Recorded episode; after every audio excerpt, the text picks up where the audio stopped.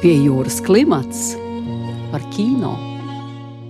Labdien, mīļie radioklausītāji! Šonadēļas raidījuma fokusā starptautiskā dokumentālo filmu festivāla Artdokfest atklāšanas filma Ievas Ozoliņas jaunākā lente Man māte valsts, kur pirmoreiz satikās ar skatītājiem 3. martā. Filmas Mana māte valsts galvenā varone ir Runa, kur adopcijas ceļā tikusi šķirta no savas māsas Zanes un ir nolēmusi viņu uzmeklēt un ir pirmā persona, kur izmantoja Latvijas likumdošanas izmaiņas un bez tiesas procesa atguva savu dzimto identitāti. Atgūstot savu mātes doto vārdu, un arī uzzināja, ka viņai nav vis viena, bet gan četras māsas.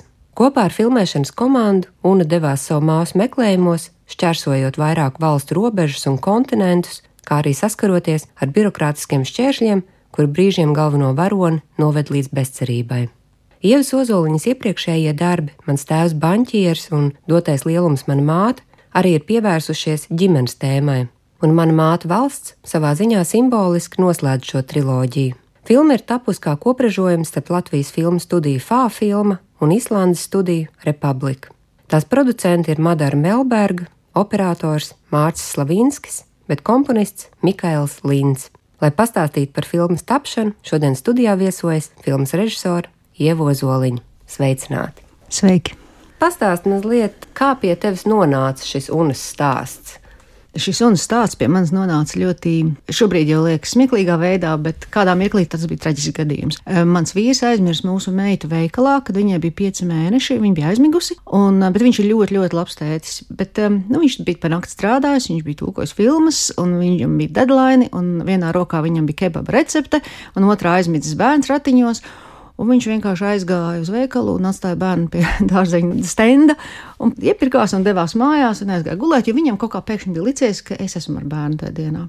Mūsu valstī ir tā, ja šādā situācijā tiek atrasts bērns, viņš tiek vests uz bērnu slimnīcu un ratiņu uz policiju. Nu, un tad, kad mēs metāmies uz to slimnīcu, kad nu, viss palika skaidrs, ka bērna nav, jo viņš nav ar mani, bet viņš ir aizmirsts veikalā, nu, tās pirmās desmit minūtes, kamēr tu pierādi cilvēkiem, ka nē, es tur, nu, pats sliktākais cilvēks pasaulē ir ļoti smagas. Bērnu mēs dabūjām atpakaļ, viņi konstatēja, ka mēs esam adekvāti, bet nākamajā dienā jau zvanīja bāriņties, un mēs bijām jau sarakstā. Un um, vēl pāris tādas līdzīgas kustības, un bērnu var izņemt no ģimenes. Un es sapratu, cik nenormāli vienkārši ir tas, ka tu nonāc pēkšņi tajā vietā, ka likums tev ir kā augsta siena priekšā, un tu viņu nevar causist. Un es sāku lasīt tādus līdzīgus gadījumus, un tādi ir bijuši. Un man ļoti gribējās uztaisīt filmu par augsto likumu, kas ir nejūtīgs, visiem vienāds un trauslo individu. Un tieši tajā brīdī es atradu, un bija ielikusi internetā tādu ziņu, ka viņi meklē savu māsu, kas ir no viņas nošķirta bērnu namā, un es sapratu, ka šis ir tas gadījums, kad cilvēks šādā situācijā, teiksim, ir bijis, viņš ir izaudzis liels un viņš meklē savus brāļus un māsas, bet viņš to nevar izdarīt. Tāpēc, ka, ja tu esi adoptēts, tev ir mainīt visu identitāti. Tu būtībā nevari vairs nekad atrast savas saknes. Un um, es sazinājos ar to sievieti, kas bija ielikusi šo ziņu, sazinājos ar Runu, un viņa nu, piekrita, jo viņai bija mērķis atrast māsu. Viņa saprata, ka šis varētu būt tas ceļš. Pie jūras klimats par kino.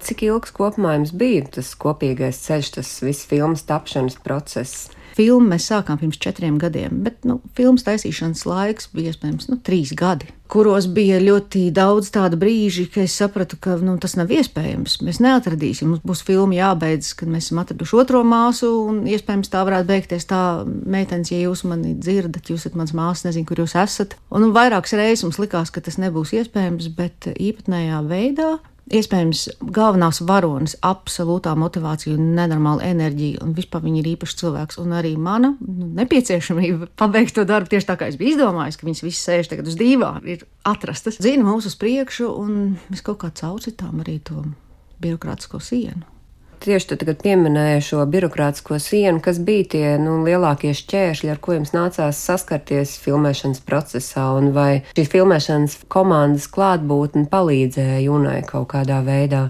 Šis jau nebija Unas pirmais mēģinājums meklēt māsu. Viņa jau to bija darījusi, bet um, Unai absolūti iztrūks tāda spēja kā diplomātija. Viņai nekad nebija izdevies tik tālāk par pirmajiem pieciem teikumiem. Tā bija, ka durvis aizvērās, vārtiņa aizvērās un tika pateikts, nebāz degunu citu cilvēku dzīvēs. Nu, mans lielākais izaicinājums bija uzklausīt visus tos formulējumus, ko atbildīgie darbinieki, kādā veidā viņi šo informāciju noformulēja. Tikai māsa pati var skatīties par sevi mapi, kas liekas absurds vai ne? Tā.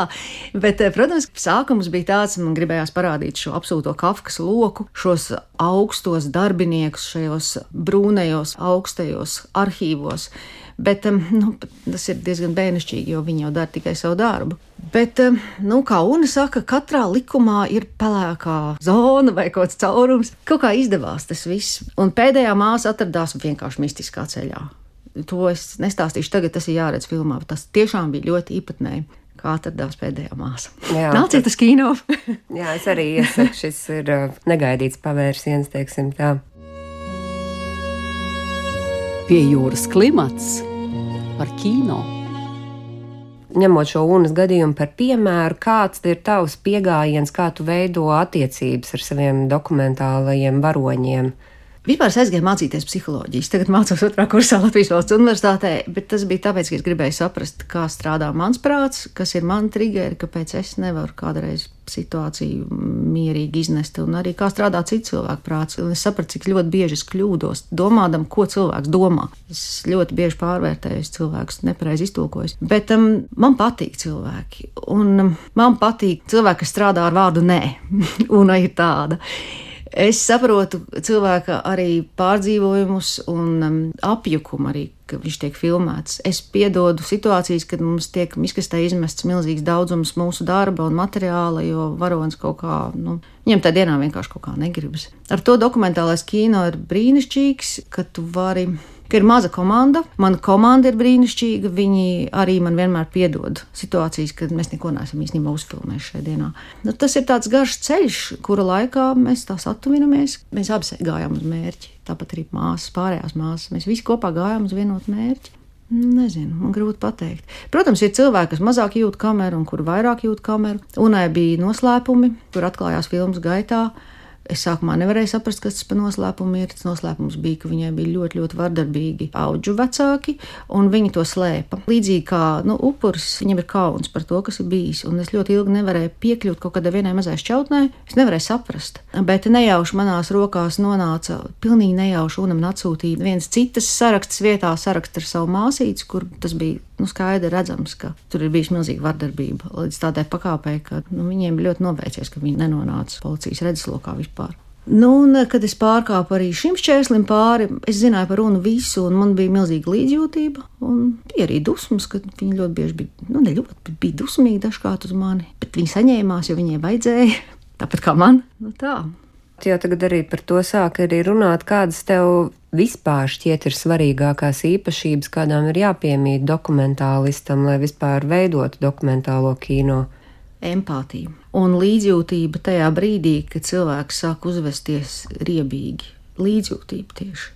Jo tam visam nevienmēr skaidrojums. Nu, Man liekas, zinātnē, kas ir tas, varbūt jūs ievērojat, kas ir tas, kas izmainās visspēcīgāk tajā brīdī, kad tiek ieslēgta šī kamera. Stonis, laikam, lietuviešu režisors bija tas, kurš teica, ka kādreiz, kad filmējas tam kasetēm, tad pirmās piecas dienas jāizmet miskastē noteikti. Tur nekā nebūs. Nu, šobrīd ir vienkāršāk, mēs vienkārši varam izdzēst materiālu. Nu, sākums ir tāds mazliet iestīvināts, bet, starp citu, šo meiteņu situācijā es nejūtu to. Es to jūtu, taisot pašu pirmo filmu, satiekot dažus bijušo bankas darbiniekus, dažus, kuriem tagad ir jauna dzīve. Viņi vienkārši negrib sev saistīt kopā ar to bijušo. Ka no normāla cilvēka pēkšņi kļūst persona par tādu iestīvinātu lēli. Viņi sāk tā jocīgi uzvesties. Bet ir dažādas metodas, kuras es pat nevaru izskaidrot, kādas, bet viņas var pielietot. Vēl ir tāda forša metode, un tos citas iemācījos. Es nošpikoju no Gīna Krūvas. viņš vienreiz man intervēja, viņš darīja tā. Viņš iesāka pirmo teikumu, nevis viņš iesāka tā kā es komatu to teikumu. Es to no viņas iemācījusies. Bet, bet kas toreiz notika? Kaut kā tā. Un pēkšņi tas cilvēks, jau ir iemests sarunas vidū, mēs pirmās piecas lapas varam izmest miskastē, mums nevajag. Un kaut kā tā viņu piedabūt pie tās sarunas. Nebūtu oficiāli un dabīgi nekādā gadījumā. Nezinu. Es kaut ko esmu, liekas, iemācījusies ar šo mm. trešo filmu. Jau tiešām jau tagad var pateikt, ka jā, nu tagad māku, pišķī māku. Kas ir tas jaunais par Latvijas likumdošanu, ko tieši tu uzzināji, veidojot šo filmu? Ir atšķirības starp to, kas notiek ar adoptētiem cilvēkiem un kāda ir likumdošana attiecībā uz viņiem dažādās valstīs. Nu, un šis mazā likuma izmaiņa par to, ka cilvēkam nav jāiet un jālūdzās saviem augu vecākiem, lai ļauj paņemt atpakaļ savu bijušo identitāti, ir ļoti, ļoti, tas ļoti nozīmīgs. Jo cilvēks, kuram ir laimīga adopcija, viņam nekādu identitāti atpakaļ nevajag ņemt. Viņš ir laimīgs savā ģimenē. Un tie gadījumi, kur cilvēks ir nelaimīgs, kur augu vecāki ar viņiem nav kontakts, viņi arī nevēlēsies tā vienkārši pieļaut šo situāciju. Un uz gadījumā tas tā bija. Un tā likuma izmaiņa bija brīnišķīga. Viņi varēja aiziet uz arhīvu un paņemt mapi, kur ir rakstīts par viņu par šo cilvēku Unoļu Šefsku ir rakstīts, kādi bija viņas pirmie vārdi, ar ko viņas slimoja, kad viņai bija divi gadiņi. To viss pierakst bērnam, vai ne? Nu, tas ir nozīmīgi. Tu pēkšņi ieraugi sevi, jo tu dzīvoji kaut kādu feiku dzīvi, tu vispār par sevi neko nezini. Kas, tavuprāt, ir tas, kas tev piesaista šī tēmā par ģimeni un saknēm un šīs piederības meklēšanu? Es nezinu, kurš izdomājis, ka mans filmas ir par ģimeni, mans filmas ir par taisnīgumu. Bet caur ģimeni kaut kā tas vienmēr iziet. Nu, jā, ģimene ir tas uh, mazais kosmosiņš, tas, vai ne? No turienes jau arī viss sāks. Bet, uh, jā, par ģimeni, tāpēc, ka nu, tā emocionālā drošība viņa sāks tieši ģimenē. Un cilvēkam ir tiesības būt savā izpratnē laimīgam, bet katram savā izpratnē. Teiksim, filmā par um, matemātiķu un viņa māti tā bija tā vīrieša izpratne, kas ir laime kādām jābūt attiecībām ar māti. Un viņš ļoti cīnījās, lai māte viņā ieklausītos. Mātei bija cits viedoklis par to, kādas ir taisnīgas attiecības. Nu, tas ir ļoti interesanti. Es domāju, ka es esmu daļēji antropologs un daļēji es nākošajā dzīvē būšu izmeklētājs. Es zinu. Pie jūras klimats par kino. Kāds, tavuprāt, ir galvenais dokumentālista pienākums pret savu varoni? Jā, tas ir ļoti grūti par to runāt, tāpēc ka mēs sākam kopā ar kaut kādu ideju, bet mēs kā cilvēki šo trīs gadu laikā ļoti maināmies. Nu, mērķis paliek, bet eh, tie daudzie leņķi, kas ienāk jauni tādi, tāpēc ka es arī attīstos un mainos, un es redzu situāciju no dažādām pusēm, mēs pēkšņi varam sākt iet nevis pilnīgi paralēli, bet pa dažādiem ceļiem nu, varonis var kādreiz justies vīlies. Manā gadījumā tas noteikti tā nebija. Šī filmā tas tā nebija. Viņš var justies vīlies, un viņam droši vien iepriekš jau. Nezinu, viņam varbūt kaut kā jāizskaidro, kas ir dokumentālais kino. Varbūt viņam vajadzētu rādīt piemēru, varbūt vajadzētu kādu lekciju noturēt par to, kas ir kino. Bet tā ir tā teorija, tas, protams, tā nav.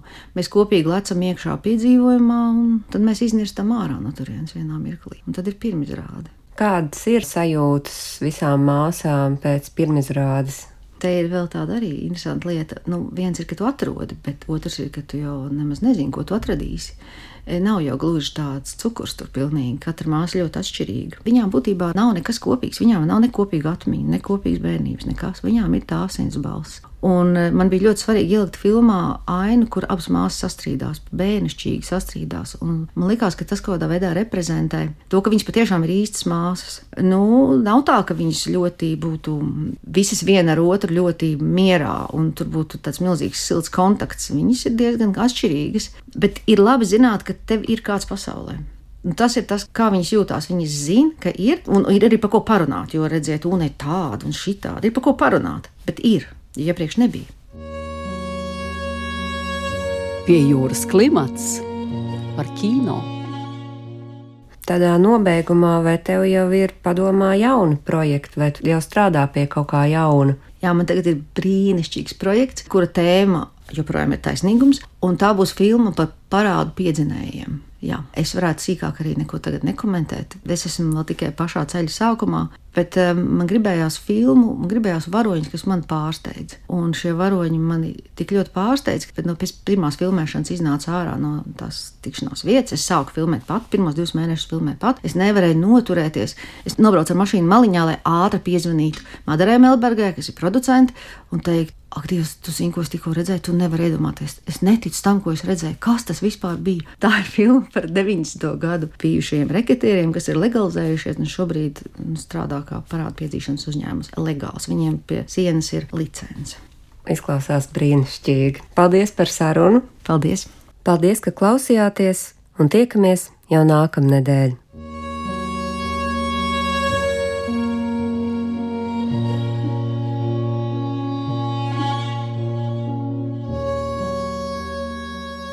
Radījumu vadīja Martelīna Martinsone, montēja Andra Černievska.